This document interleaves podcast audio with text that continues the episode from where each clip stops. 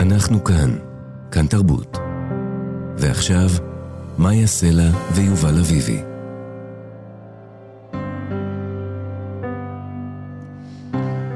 שלום וצהריים טובים, אנחנו כאן, מאיה סלע, יובל אביבי, מה שכרוך, מגזין הספרות היומי של כאן תרבות. אנחנו כאן בכל יום ב-12 בצהריים בשידור חי, ואתם מאזינים לנו ב-104.9 או ב-105.3 FM. כמובן שאתם גם יכולים להאזין לנו כהסכת באתר ובאפליקציה של כאן ובכל יישומוני ההסכתים. אנחנו גם מחוברים לחמ"ל של כאן, שמרכז את היוזמות האזרחיות לסיוע לחיילים ולאזרחים. אתם יכולים גם לפרסם שם וגם לאתר שם יוזמות. הצטרפו לקבוצת החמ"ל של כאן בפייסבוק, או שילחו וואטסאפ למספר 05 05 333 173 אם אתם מרגישים צורך לדבר, אתם יכולים לפנות לקו הסיוע של ער"ן, עזרה ראשונה נפשית, 1201. יש גם קו סיוע של נט"ל לנפגעי טראומה לאומית, 1800. 363, 363, יש עם מי לדבר, כוכבית 2982, ויש גם אתר של עמותת סהר, סיוע והקשבה ברשת, שאפשר uh, להיכנס לשם ולהתכתב, שזה הדרך המועדפת עליי, אני מודה. העורך שלנו הוא אלעד ברנועי, על ההפקה, טל ניסן ואיתי אשת, על הביצוע הטכני, תמיר צוברי. שלום לכם. בשעה הקרובה אנחנו נדבר עם אה, פרופסור דנה אמיר על שפה ופסיכולוגיה, על הדרך שבה אנחנו יכולים לנסות, זה לא עובד לי כל כך בשבועיים האחרונים, אבל ננסה, אולי תעזור לנו להשתמש בשפה כדי לתאר את מה שעובר עלינו. נראה שהשפה לא מספיקה. אנחנו דיברנו על זה כמה פעמים, על המילים, על, ה, על, ה, על הקלישאות, זה פשוט לא מספיק בימים האלה. אולי נקבל ממנה עצות וגם נשמע ממנה שירים.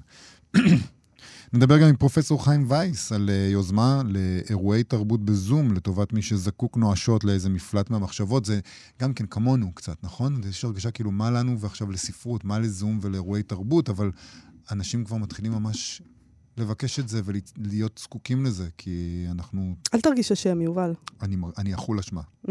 מכל הכיוונים. לא נפתח את זה כאן, אבל באמת, אני יושב בשתיים בלילה במיטה ולא נרדם אה, מהאשמה. תכתוב לי, אני ערה בשעות האלה. כן, נגרו, נ, נחלוק את האשמה אולי, תודה, תודה על זה.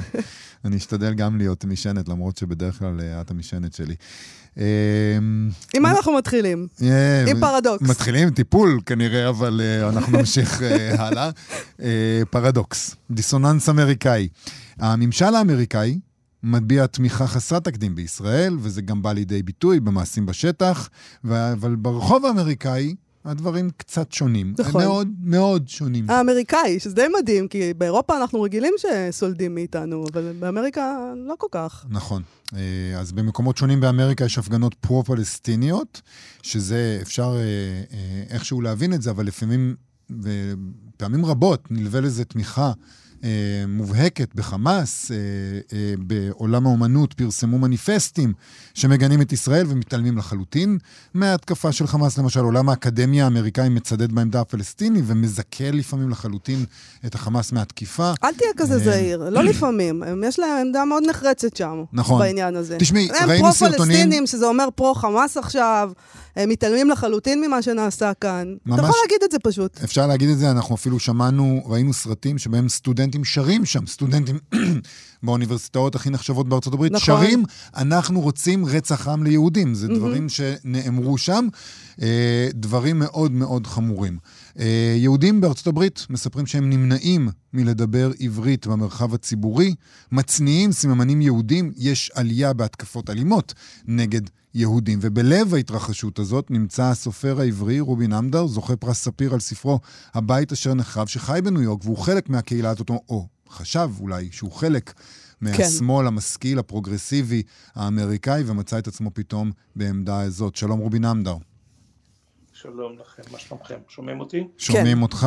היי רובי. רובי, אני רוצה לשאול אותך פשוט, אתה מפחד עכשיו? אתה, זה מפחיד? לא, לא. בואו בוא נעשה טיפונת סדר בדברים. אה, קודם כל, טוב לשמוע אתכם, ואנחנו בדרך כלל נורא עליזים וכזה נכון. מתפתחים, אבל מחקו לנו את החיוך. אה, לא, תראו, בואו בוא נצלר את הדברים טיפה.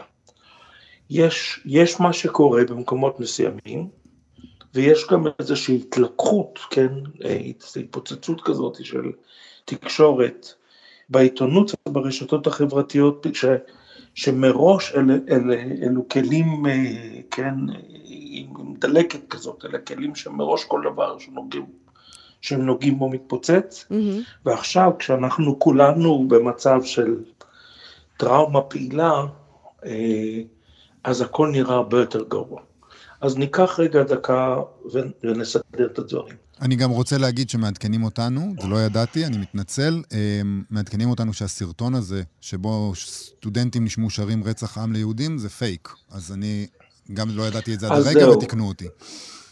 אז מה אתה רוצה להגיד, שבאקדמיה האמריקאית דווקא כן אוהבים אותנו, שזה רק מיעוט? לא, לא, לא, מאוד לא אוהבים אוקיי. אותנו, אבל בואו נראה, לא, שנייה. ארצות הברית היא מקום ענק עם המון המון המון שכבות ומגזרים ו- ו- ומקומות. ברוב העולמות ש- שהם אמריקה, התמיכה בישראל היא די ברורה. עולם העסקים ועולם עולם העבודה, אה, במיוחד ברחוב הניו יורקי, וב, זאת אומרת אין כאן פתאום איזו אווירת פוגרום ברחובות. אני לא אגיד שאם אתה הולך עם כיפה ברחוב או לבוש חסידי או משהו כזה, כן, הסיכויים שיקרה משהו לא נעים הם יותר גבוהים עכשיו, mm-hmm. הרבה יותר. כן. אה, מכונית משטרה, אתה רואה פתאום עומדת מול בית כנסת וכולי וכולי. זאת אומרת, כן, זה, זה, לא, זה, זה לא סבבה, זה הכי לא סבבה שיש. אבל אין פה, אין פה השתוללות אה, ברחובות בכלל. יש השתוללות מאוד מאוד לא נעימה וקשה במקומות מסוימים, אבל מאוד משמעותיים. וזה בקמפוסים של אוניברסיטאות העילית. Mm-hmm. דווקא שם. כן. עכשיו, הקמפוסים האלה, מטבע הדברים, היום אולי דווקא קצת פחות, אבל יש פיל בחדר, רבותיי. הפיל הזה, שחלק גדול מהאוניברסיטאות האלה הן ממומנות על ידי יהודים, מלמדים בהם המון יהודים, וחלק גדול מהסטודנטים הם יהודים. אז יש לנו כאן משהו, זה טוויסט מעניין בעלילה. זאת אומרת שיש משהו יהודי ב, ב, בהתלקחות האנטי-ישראלית המאוד קשה, אבל מה שקורה שם, בקמפוסים, ובעולם האומנות ובעולמות הפובליציסטיקה, אגב עוד פעם, לא מאוד גבוהה. אצל האינטלקטואלים שחשבנו עליהם שהם אנשים כמונו בעצם.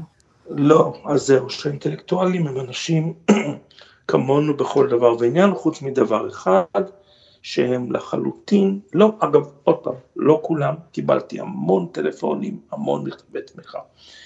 מדובר פה על סוג מסוים, דבר ראשון זו שכבת גיל מסוימת, ודבר שני זה אנשים שיש, שבנו את, את ה brand שלהם גם כפרופסורים וגם כאנשי אומנות וגם כאנשי תרבות על רדיקליזם. כן. וזה דבר שהוא נורא חשוב. יש כאן בכל מקרה משבר, בלי קשר לישראל, את יודעת, ישראל זה נורא נחמד, אבל זה בכל זאת איזה מקום רחוק, ו... בלי קשר לישראל. יש כאן משבר מאוד רציני שבו פתאום איזה, איזה קצה רדיקלי שמאלי השתלט על חיי התרבות ועושה שמות, הם תוקפים את הליברליזם, הם לא תוקפים אפילו את השמרנות. Mm-hmm. זאת אומרת, זה, זה מין רצח אב כזה. כן. דור הילדים נשלח לכל מיני בתי ספר פרוגרסיביים כאלה. אני תודה לאל, שלח את הילדות שלי לבית ספר השל, אה, יהודי, עברי, כאילו. אבל שולחים את הילדים לבתי ספר פרוגרסיביים. ההורים לא בדיוק מבינים מה, מה, מה עושים שם. הם אנשי עסקים, הם בנקאים, הם אדריכלים, הם, אה, אתה יודע, הם לא אנשים שיבואו לבדוק את ה curriculum.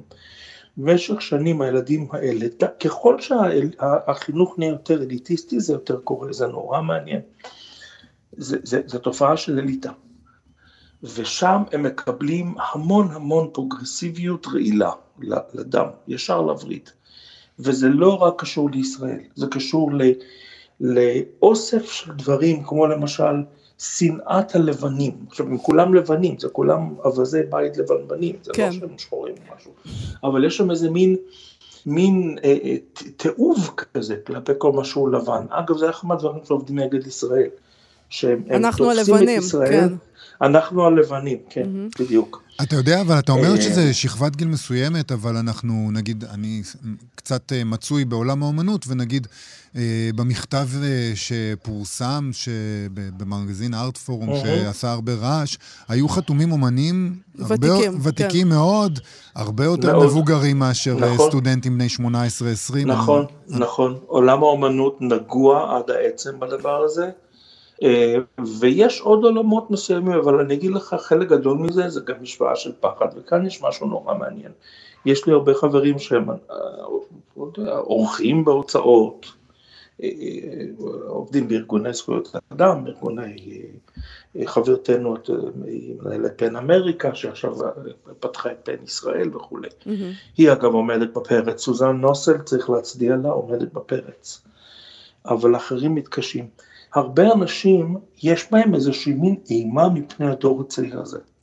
למשל, חבר שלי שהוא מו"ל, אה, סיפר לי שהעובדים שה, הצעירים בחברה משליטים שם טרור פרוגרסיבי, וכשאני אומר טרור פרוגרסיבי, אני מתכוון טרור פרוגרסיבי, זאת אומרת, אה, אה, זה לא שהם יגידו אני לא חוזר עכשיו מהפסקת קפה, הם, הם, הם, לא, הם, הם רוצים לשנות תכנים של ספרים, הם, הם רוצים לשון, לבטל אה, חוזים של כותרים שלא נראים להם מספיק politically correct.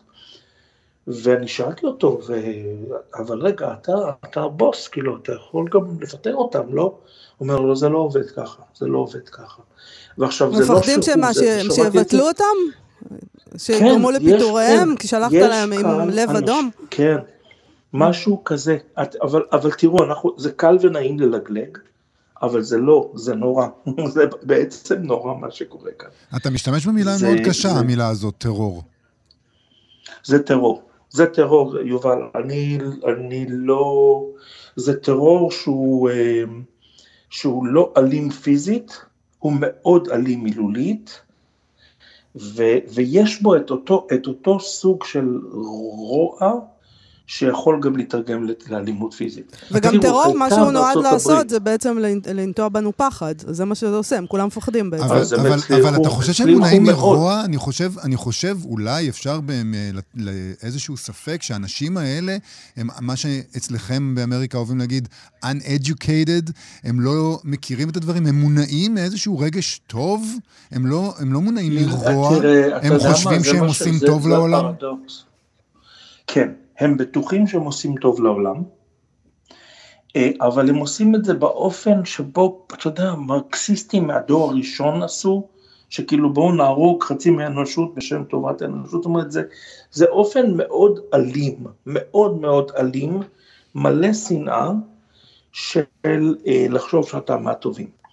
עכשיו, למה אני מדגיש את הפחד? כי מה שקורה באוניברסיטאות, משום מה, זה, זה, זה דבר מאוד מאוד אה, נפוץ באוניברסיטאות העילית דווקא, כי שם באים סטודנטים עם כסף, ילדי עשירים, הלוא הדברים האלה באים מילדי תפנוקים. כן. יש הרבה מדובר על זה, וכבר מזמן דובר, שההנהלה של האוניברסיטאות משותקת מפחד, ולא מתערבת, ונתנה לדבר הזה לגדול.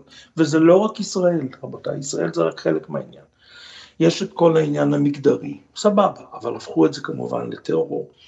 אה, אה, הם מסמנים מדי פעם פה איזה פרופסור או פרופסורית שמחליטים שהם אויבי העם, וזה קצת, התחושה היא קצת כמו, אתם זוכרים את המהפכה התרבותית והנערי מאו האלה שהיו, שהיו אה, בורים ואלימים ונכנסים וכאילו רומסים את המורה או רומסים את הפרופסור. הפרופסורים לא מרגישים בטוחים יותר, האוניברסיטה לא מגבה אותם. האוניברסיטה לא מגבה אותם. זאת אומרת, אנחנו נדברו תכף עם חברי היקר חיים, אה, כן, ותחשבו למשל כן. בארץ. חיים וייס, כן, ש... אה, כן, אחד מגיבוריי, כן, שהוא מנהל את העניינים בארץ עכשיו עם המחאה, אבל תראו, בארץ עדיין מקבלים גיבוי, הנשיא של האוניברסיטה, הרקטור, עומדים מאחורי הפרופסורים. כאן זה פשוט לא קורה. אתה יודע, זה מזכיר לי קצת... סוג של ביזנס. אתה מזכיר לי קצת סיפור שלך מהספר האחרון שלך. נכון. שבו אמנם לא מדובר על, על פוליטיקה מהסוג הזה, אבל כן על תנועת ה-woke, כן על איזה שהם... איזה שהם יש לך סיפור בספר על בת שהולכת לאוניברסיטה כזאת, נכון. ושם היא... כן. כמו שאתה מתאר את זה, מוז, מוזנת במסרים מת, הפרוגרסיביים מתעורר. של הווק, ופונה נגד המשפחה שלך, ובעצם... שלה. ש, שלה, סליחה. ובעצם כן. ב, ב, בגרסה זהירה של מה שאתה מתאר עכשיו. הנה מה שקורה. כן, כן, הסיפור הזה היה נייר, והוא היה נייר לקמוס מסוים, כי אני, אני חנום. תראו, הרבה אנשים חיים בעולם העסקים, העולם פה, העולם שם, העולם שבו אני חי, זה העולם של האקדמיה והאמנות והספרות וה, והפובליציסטיקה. אז אני מכיר את זה וחווה את זה חזק. אישית, אני, יש לי פחות עסק עם undergrads, אז, אז זה קצת פחות, אני לא, פחות חשוף לעניין הזה עצמו בחיי היום-יום, אבל אני מכיר את זה היטב. וכן, הסיפור הזה בהחלט הוא גם, וכאן אנחנו נדבר גם על הטרגדיה של היהודים והישראלים, כי היו הרבה מאוד מיהודי אמריקה, וזה דבר שלא מבינים בישראל לפעמים, כי לא כך מכירים את היהדות הזאת. הליברליות היא, היא, היא, היא חלק מרכזי מהעובדה שהם יהודים, זאת אומרת, זה לא שהם יהודים וגם ליברליים במקרה, אלא חוץ מאשר איזה אחוז מסוים שהם אורתודוקסיה ועוד כמה, אבל רוב יהודי ארה"ב, ליברליזם זה חלק בלתי נפרד מה, מהיהודיות שלהם. ולפעמים זה החלק היחיד ביהודיות שלהם.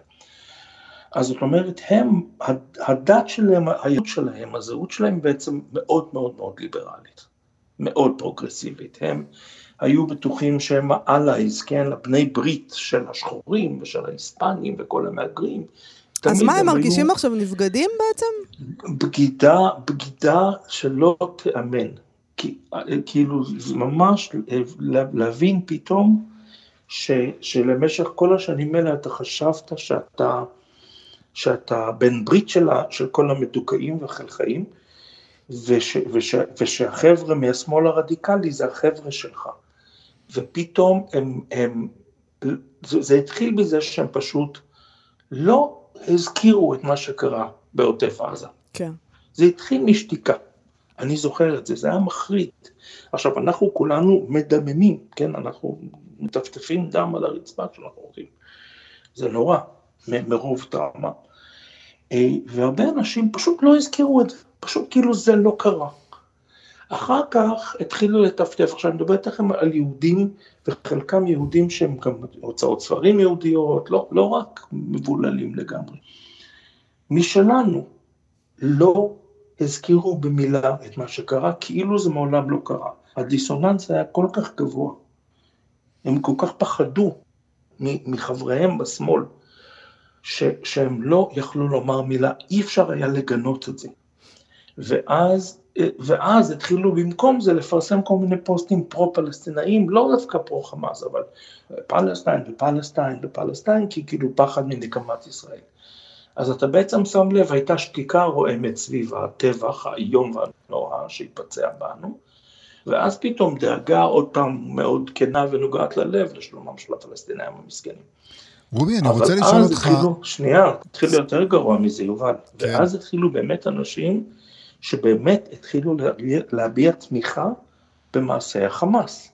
אבל הם כמובן, הם, הם, הם התמקדו, יש את ה image הזה של הגדר הפרוצה, כן. המון אנשים הפכו את זה לתמונת הבורסית כן, שלהם. כן, זה ממש חומת ברלין. כן. חומת ברלין, mm-hmm. חומת, זה הקיטש הזה, זאת אומרת, תחשבו על הרשלנות האינטלקטואלית הזאת. הם, הם בחרו להתמקד בגדר תיל פרוצה. אחר כך, זה שאחר כך פרצו אותה ובאו ורצחו 1,400 נשים, ילדים וזקנים בביתם שלהם, בכל מיני מיטות משונות, זה פשוט לא קיים, זה פשוט לא קיים, זה כאילו לא קרה. ואחר כך התחילו הכחשות. פמיניסטיות רדיקליות דורשות הוכחות שאכן התבצעו מעשי אונס. זאת אומרת, אנחנו לא, אנחנו רוצות הוכחות. אתם, אתם אומרים, אז אנחנו רוצות הוכחות. כן. וכולי וכולי. ויש גם, לא רק יש שהרבה יהודים הם חלק מהמכונה הזאת, יש גם ישראלים, וזה באמת הכי מוזר. שישנם ישראלים, אפשר להזכיר שמות, אבל בואו לא, עכשיו, כולם יודעים, כולם יודעים במה מדובר. אפשר, מה זאת אומרת? פרופסורית מפורסמת מאוניברסיטה יוקרתית בחוף המזרחי למשל, שהפכה למין מכונת תעמולה אנטי-ישראלית מטורפת, שאנשים הכירו אותה, תלמידיה בארץ, מזכירים אותה הרבה ברשת.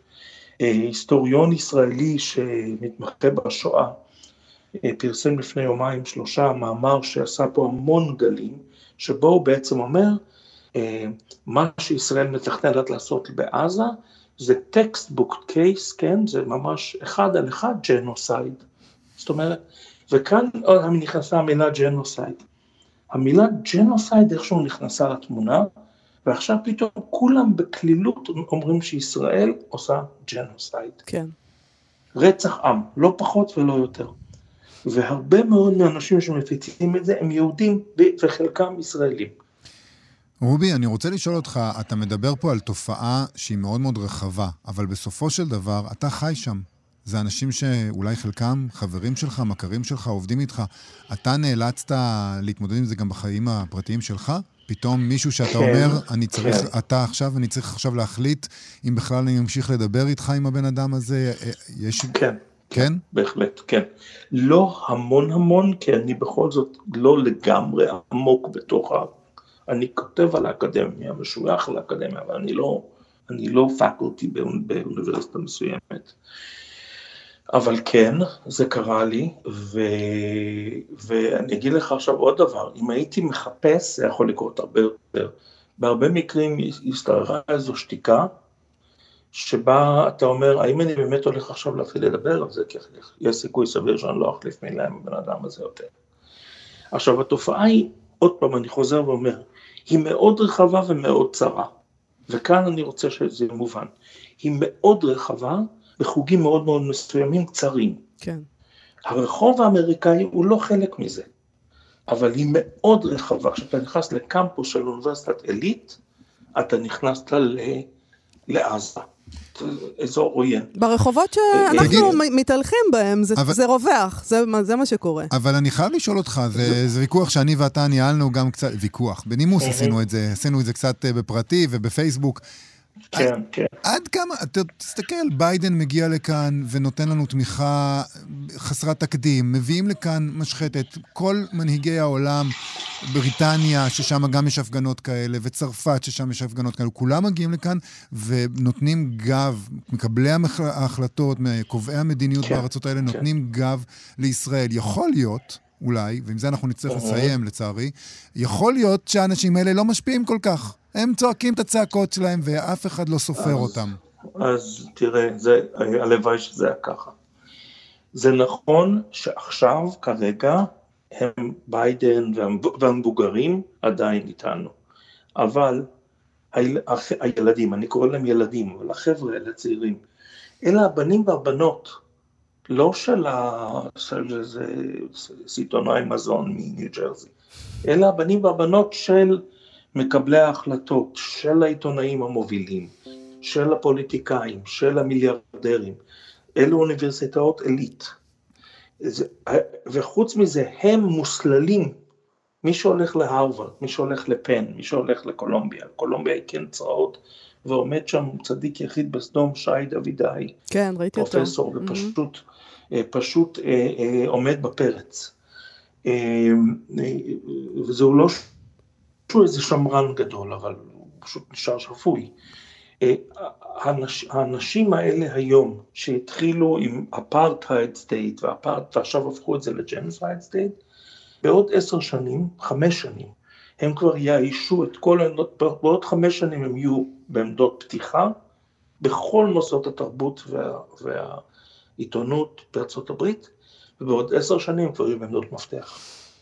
רובי נמדר, אני לא יודעת, יכול להיות שהם... זה ציבור קטן, אבל מאוד חזק. נכון, אבל יכול להיות שמשהו יגרום להם להתפכח, לך תדע איך הדברים uh, מסתובבים. כי יש גם uh, שמאל פרוגרסיבי ישראלי שהתפכח עכשיו קצת, בתהליכי התפכחות. אנחנו נראה מה יקרה עם זה. אני מאוד מודה לך על השיחה הזאת, רובי. תודה מעמד. לכם, תודה, תודה רבה. בהצלחה לכם ולכולנו. תודה. תודה. להתראות. אנחנו כאן. כאן תרבות. כאן תרבות, אנחנו מה שקראו, חזרנו. בתחילת הספר שלה, להעיד על העדים, אה, שיצא בהוצאת מגנס, מסבירה פרופסור דנה אמיר, שבלב ההתנסות הטראומטית יש איזה יתר, אקסס.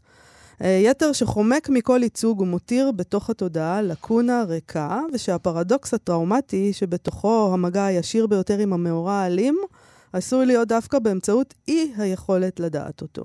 הטראומה איננה רק החוויה הישירה, היא טוענת, אלא גם החמצת החוויה הזאת. עוד מעט אנחנו ננסה להבין למה הכוונה. בספר הזה היא מבקשת לבחון ארבע דרכים שבהן העדים משתמשים בשפה כדי לעמוד מול הטראומה שלהם. פרופסור דנה אמיר היא פסיכואנליטיקאית, היא כתבה הרבה על הקשר שבין שפה למבנה הנפשי. היא גם סופרת ומשוררת שהיצירה שלה עוסקת בעצמה בטראומה ומשמשת uh, כמעין עדות Uh, וכיוון שבשבועות האחרונים, uh, יובל, כמו שאמרת בפתיחה, אנחנו מרגישים שהמילים uh, לא מספיק, אין לנו מילים כדי לתאר את מה שקורה. השפה שלנו כושלת בעצם מלתפקד. אנחנו ביקשנו לדבר איתה על זה, אולי יהיו לה הצעות בשבילנו uh, להתמודדות ספרותית ופסיכולוגית עם מה שעובר עלינו. שלום, דנה אמיר. שלום, מאיה. שלום, יובל. אז מה קורה בעצם לשפה מול אירוע טראומטי? למה אנחנו מרגישים שאנחנו לא יודעים איך לדבר, מה להגיד? זה, זה נורא מעניין. חשבתי הבוקר על זה שאנשים בזמן האחרון שואלים אנשים אחרים מה שלומם, ובעצם זו שאלה שאי אפשר לענות עליה. שאלתי את עצמי למה אי אפשר לענות עליה, זה לא כי אנחנו לא יודעים ששלומנו ממש רע. רע. Mm-hmm. זה בגלל ששלומנו בעצם תלוש.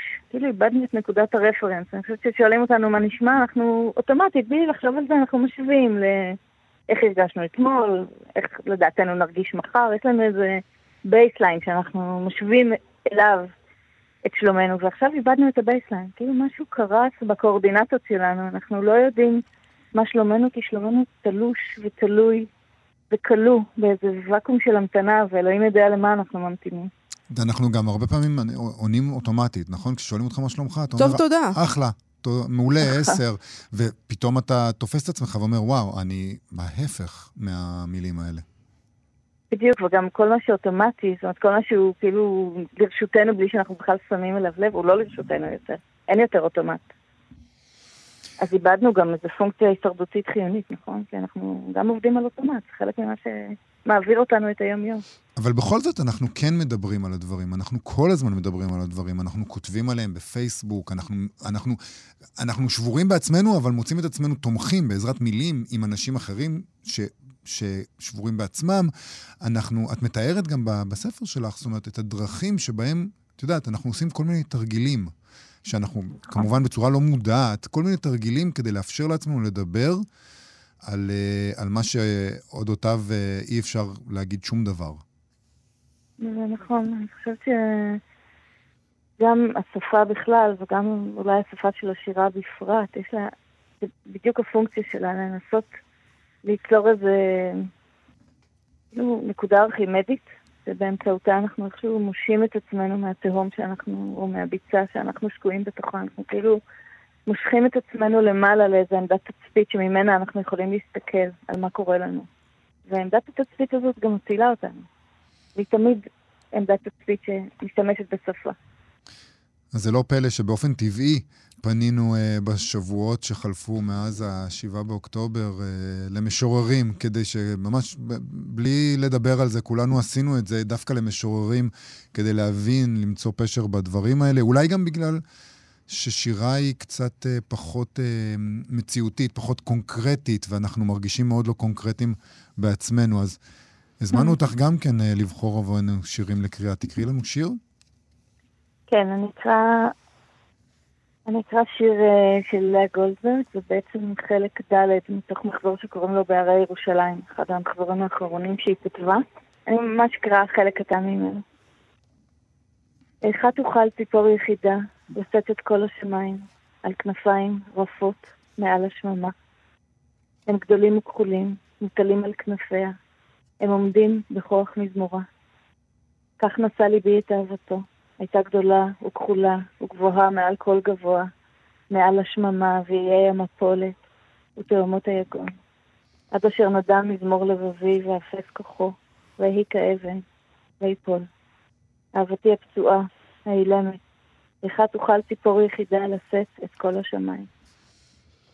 את כותבת בתקופה הזאת, בשבועיים האחרונים? את מצליחה לכתוב? אני כותבת, כתבתי כל מיני דברים שיותר קשורים לאיזה אה, חלקים מקצועיים, טיפוליים, ודווקא שירה, הרגשתי שאיכשהו המשכתי קצת משהו שבעצם התחלתי לכתוב לפני. כלומר, היה לי מאוד מאוד קשה ליצור משהו חדש בתוך הדבר הזה, בגלל ש... בגלל מה שאמרתי קודם, בגלל שהקואורדינטות באיזשהו אופן כל כך מעורערות ונורא קשה לחלץ מהן משהו יציב. אבל דווקא השיר הזה שקראתי, אני חושבת שהוא אומר משהו נורא יפה על, ה, על, ה, על האפשרות להיחלץ. כאילו, כשמקשיבים וחושבים, אוי, זה שיר שכתבו על איך אפשר לשיר גם, נגיד, מעל התהום, או גם במצבים של ייאוש ויגון, אבל אני דווקא חושבת בימים האלה שהשיר הזה מדבר על איך היכולת של הציפור לשיר מחזיקה את השמיים. כלומר, הציפור מייצרת דרך השירה שלה את הטריטוריה שבה היא יכולה להתקיים. זאת אומרת שבמקום שבו לאה גולדברג אה, כאילו שואלת, איכה תוכל ציפור יחידה לשאת את כל השמיים על כנפיים רפות, את אומרת, אבל היא יכולה. הנה, היא, היא נושאת. בדיוק, ככה היא נושאת, דרך זה שהיא שרה, אפילו דרך זה שהיא שואלת את השאלה הזאת. במובן מסוים זה מה שאנחנו עושים עכשיו, אנחנו צריכים לייצר לעצמנו את הטריטוריה שאנחנו יכולים להתקיים בתוכה. ו... ובמובן הזה שירה היא לא, היא לא פריבילגיה, היא צורך אקוטי, קיומי. היא מזכירה לנו בדיוק את הדבר הזה, את כל המנעד האנושי שלנו. בימים שדווקא יש בהם איזו נטייה לקרות לקיום נורא מצומצם ונורא מפוצל, כאילו מאפשרת לנו לחרוג מהמצב ההישרדותי הזה לאיזה אפשרות להתבונן מלמעלה על ההישרדות שלנו. גם על המחירים של ההישרדות שלנו. היא מציעה עוד אפשרות. זה מזכיר כל מיני דברים שאומרים לנו באמת פסיכולוגים בשבועות האלה. מה הם אומרים? הם אומרים שאתה צריך תקופה של, אה, אתה צריך אה, אה, תחושה של, של תפקוד, אתה צריך איזו מטרה, אתה צריך לעשות משהו, אתה צריך למצוא את עצמך באיזו התנדבות, אתה צריך לטפל בילדים, אתה צריך להיות חזק. Mm. זאת אומרת, אתה צריך איזו תחושה שאתה עושה משהו שמאפשר לך אה, להיות יותר מאשר באמת הדבר המאוד מאוד קטן ומצומצם, מכונס, שאתה רוצה להתקפל לתוכו, ואני חושב שזה מאוד קשור לשיר אחר. ששלחת לנו שרצית לקרוא, נכון? אמ, של טט כרמי אולי. נכון. נכון? כן? כן. תקראי לנו אותו. בטח. אני חושב שהוא כתב אה, סביב מלחמת יום כיפור בכלל. לשמח את הילדים, לשמח את הילדים, לשמח את הילדים. שלא ישמעו את הצריחות הניחרות בגרוננו, שלא יראו את יער האנטנות הצומח מראשנו, שלא ישמעו את קולות הקריאה העולים מכל עבר, בגד, נייר, צדדים, שמיים. שלא ישמעו את עיני השכן נדרכות מאחורי התריס, שלא יראו את צבעי ההסוואה שמתחת לאור פנינו, שלא ישמעו את רשתות הקשר הדלוקות בגופנו. אנחנו צריכים להמציא צופן של מבוגרים כדי שנוכל לדבר על פעמון רחוק, נפל, אורן ירוק, נהדר, ענן קטן, נשבע, כאן ציפור, נפצע, כאן המפקד, כאן הציפור נישא על ענן קטן, נח באורן הירוק, לכל פעמון רחוק. לילה טוב. סוף. לשמח את הילדים. לשמח את הילדים. דנה, אנחנו צריכים עוד מעט לסיים, אבל uh, אנחנו רוצים לסיים ש... כשתקראי לנו גם שיר אחד שלך. בסדר? בסדר. השיר שלי נקרא מהרו, הוא חלק מאלגיה שנכתבה לפני הימים האלה, אבל על הימים האלה. ערינו ריקות. הרוח נוססת בחיינו מעל ימים וגדרות תיל, קרוסלות חורצות מעגלים באוויר המדלדל, צריפי עץ מטים לנפול, גאים לאש. אם שעת רצון היא, חבוק את התינוקות, לבל יקיצו נבהלים אל הולם חשיכה, לבל יכבו מכוח קור פתאום, ואת האימהות השבות אל החוף למות, חבוק, לבל יזלוג זמנן הסמיך אל פיות הילדים. יגון חורך את המבואות, את דלתות הבתים, פה ידיעות שאין מדברים בהן, מקומות שלא נפקוד עוד, גופים שהפכו אבן, רכבים שערי הלילה, ואנו ישנים בתוכם. פגשו את תקוותינו בין קדי החלב הריקים, בתוך מכרעות הציפורים. מהרו, כי מלאה הארץ אפלה, היא שקרן הזמן. זה די מדהים שזה נכתב לפני, אבל זה על הזמן הזה. הכל מה ידעת? הכל נראה כמו נבואה. שירה עושה את זה לפעמים, גם חלומות, הם מנבאים משהו שכבר היה שם, אבל עוד לא ראינו. פרופסור דנה אמיר, תודה רבה לך על הדברים האלה ועל השירים שקראת לנו. תודה רבה. להתראות. להתראות. אנחנו כאן. כאן תרבות. כאן תרבות, אנחנו מה שכרוך, מאיה סלע ויובל אביבי. לצד העובדה שכולנו מעידים על עצמנו, רובנו מעידים על עצמנו שקשה לנו מאוד להתרכז בימים האלה, ושהעיסוק בתרבות ובאומנות נראה לנו לפעמים לא קשור, מופרך אפילו אולי. אה, לא אנחנו... ראוי. לא ראוי. וגס. כן. הרבה דברים, כן. אבל מצד שני, אנחנו זקוקים להתנתקות הזאת, זה גם מה שאנחנו בעצם אולי עושים כאן. נכון. אה, לפחות לשעה קלה. בשבוע שעבר כתב פרופסור חיים וייס בפייסבוק שהגיעו אליו בקשות להרצאות, לקהל שמבקש מפלט, גם אם זמני וקצר, מכל המחשבות האלה שטורדות אותנו ולא עוזבות אותנו כל הזמן. אז המחלקה לספרות עברית באוניברסיטת בן גוריון אה, הרימו את הכפפה, הם מקיימים סדרת הרצאות בזום למען אה, מטרה זו, ועכשיו איתנו פרופסור חיים וייס מהמחלקה לספרות עברית באוניברסיטת בן גוריון כדי לדבר על זה. שלום, פרופסור חיים וייס. אהלן, מה העניינים? אני רוצה לשאול אותך, שנייה נדבר בנתונים, שנבין. קיימתם ביום חמישי את ההרצאה הראשונה, נכון? קיימנו שתי הרצאות, אתמול הייתה השנייה, ביום חמישי הייתה הראשונה, אני שוחחתי עם חיים באר, אתמול דוקטור גל סופר דיבר על הארי פוטר ומאגיה יהודית. ומגיעים אה, אנשים באמת? כן, תשמע, לשתי הרצאות ביחד הגיעו כ-250 איש. אה, וואו, זה המון. זה לא מעט. אנשים קיבלו, תשמע, אני לא יודע, אנשים רואים כל הזמן חדשות. ובאופן אה, פרדוקסלי אין הרבה חדשות בחדשות. זאת אומרת, אה, זה פרשנים על גבי פרשנים, אני לא רואה חדשות, אבל אה, זה פרשנים על גבי פרשנים על גבי פרשנים, וזה עוד ועוד ועוד. ולצד התנדבות של כולנו באלף ואחד דברים, אני כרגע כותב מנגו בכלל בעוטף. Mm. חשבנו מה אנחנו יכולים לעשות, שהרי במלחמות אין, אין צורך בפרופסורים לספרות. ו... מה... לא... חיים, מה היה בשיחה, כן. נגיד, עם, אה, עם חיים באר? על מה דיברתם? הרי דיברתם על המצב, מן הסתם. לא, לא, לא, לא, לא. לא. אוקיי. תראי, בסוף, גם כשלא מדברים על המצב, זה מין הזדמנות לדבר טיפה יותר לעומק על המצב. כן. זאת אומרת, לא על מי אמר מה, איזה שר חוץ הגיע לכאן, מה ירו וכל אלה שאלות חשובות והכל, וכולנו עסוקים בזה, אלא טיפה על ההוויה שלנו כחברה, כאנשים, כקהילה. יש רגע שכולנו צריכים להיזכר אה, שאנחנו בני אדם שצורכים תרבות, וצריכת תרבות ברמה מסוימת זה לא מותרות. וכשאנשים כל הזמן מנותקים מזרם חיים מסוים שלהם, שהוא הזרם התרבותי, יש הרבה מאוד אנשים שקוראים כל יום, ששומעים מוזיקה כל יום, שזה חלק מהיומיום הטבעי שלהם. כשזה נלקח מהם, זה מאוד קשה. אני שלשום אה, נסעתי למדרשת שדה אה, גוריון, ופגשתי חבר'ה מבוגרים. ישבנו שעתיים ודיברנו על עגנון, היה תענוג, תענוג להם ותענוג גם לי, דרך אגב, כי גם אני מתנתק. אני גם צריך להכין את השיעור ואני מתנתק, והיום אני נוסע עם מתן חרמוני לקיבוץ ניצנים. מה תעשו שם? על מה תדברו? נדבר על אה, דמו, דמויות של יהודי שוליים בספרות העברית. זה נדע, אולי זו, זו ההתנגדות האמיתית להכל.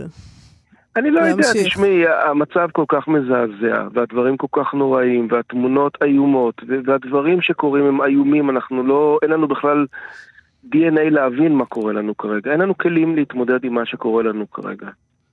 ואנחנו באזור לא ממופה. לא היינו אף פעם במקום הזה, בצורה הזו. וזה הולך להיות ארוך ומסובך, וכולנו צריכים להתגייס. אה, לצאת מתוך, אני חושב שלהוציא אנשים לשעה מתוך קבוצות הוואטסאפ שלהם זה מצווה מן התורה בכלל. תגיד, אמרת... כן, כן, כן, כן, לא... אני שומע, לא, לא, יובל, אני שומע. אמרת שדיברתם אתמול על הארי פוטר. ואני כן. אני מודה שאני מומחה קטן מאוד להארי פוטר, אבל גם אני, אני. אבל אני שומע מסביב אה, אה, שיש אה, סצנות בספרים שכמעט יכולות להוות אה, טריגר עבור, אה, מאזין, עבור קוראים מסוימים בימים אלה, כן, של אה... מלחמת בני האור ובני החושך וכל מיני אה, טקטיקות אה, כאלה. זה עלה לי לשיחה או שזה היה כיוון אחר לגמרי? לא, לא, לא, דווקא זה היה, הנושא היה... על אה, כישוף בהארי פוטר ובמאגיה היהודית. אבל הכוונה היא שיש בהארי פוטר מאגיה יהודית? או שזה בלי קשר? יש קשר, יש קשר, זה, אני מציע לכם מאוד לראיין את דוקטור גל סופר, שהוא מומחה גם להארי פוטר וגם למאגיה יהודית, mm-hmm. והוא גם איש מקסים וגם רופא, אבל כל מיני, הוא, כל מיני דברים, הוא איש מקסים באמת. ו... זה שהוא רופא עושה לי את זה לגמרי, כן, אנחנו צריכים רופא לא, לא. עכשיו. אומרת שלפחות שיהיה רופא. הוא מין דמות מהארי פוטר בפני עצמו, אבל... אה, לא, דיברנו על... אה, יש תנועה בעולם, בין העולם היהודי לבין העולם הנוצרי, של ימי הביניים, של מרשמים מאגים, של ספרי כישוף, והם מחלחלים בכל מיני צורות. אתה יודע, זה כמו מים שנכנסים לאדמה במקום אחד ויוצאים במקום אחר. ופתאום אנחנו מוצאים גם עקבות של מגיה יהודית בהארי פוטר, וגם אה, עקבות של מגיה נוצרית במגיה היהודית, והכל נמצא באיזה מין משק אחד, היה, הייתה פשוט הרצאה נורא כיפית. לא היה בה, זה לא היה מלחמת בני אור בבני חושך וכל חזון אחרית הימים וכל זה. אתה יודע, הם מדברים עכשיו המון על הארי פוטר, אה, הרבה מאוד, תמיד מדברים הרבה על הארי פוטר, כן. זה, זה פיגורה לכל דבר יש שם, אני מניח, אה, אבל עכשיו מדברים הרבה על הספרים האלה, אז אני מניח שאתם... זה גם מין דבר כזה של לקלוע לדעת הציבור, לדעת מה הוא ירצה לשמוע עכשיו, זה, לא, זה מסובך עכשיו.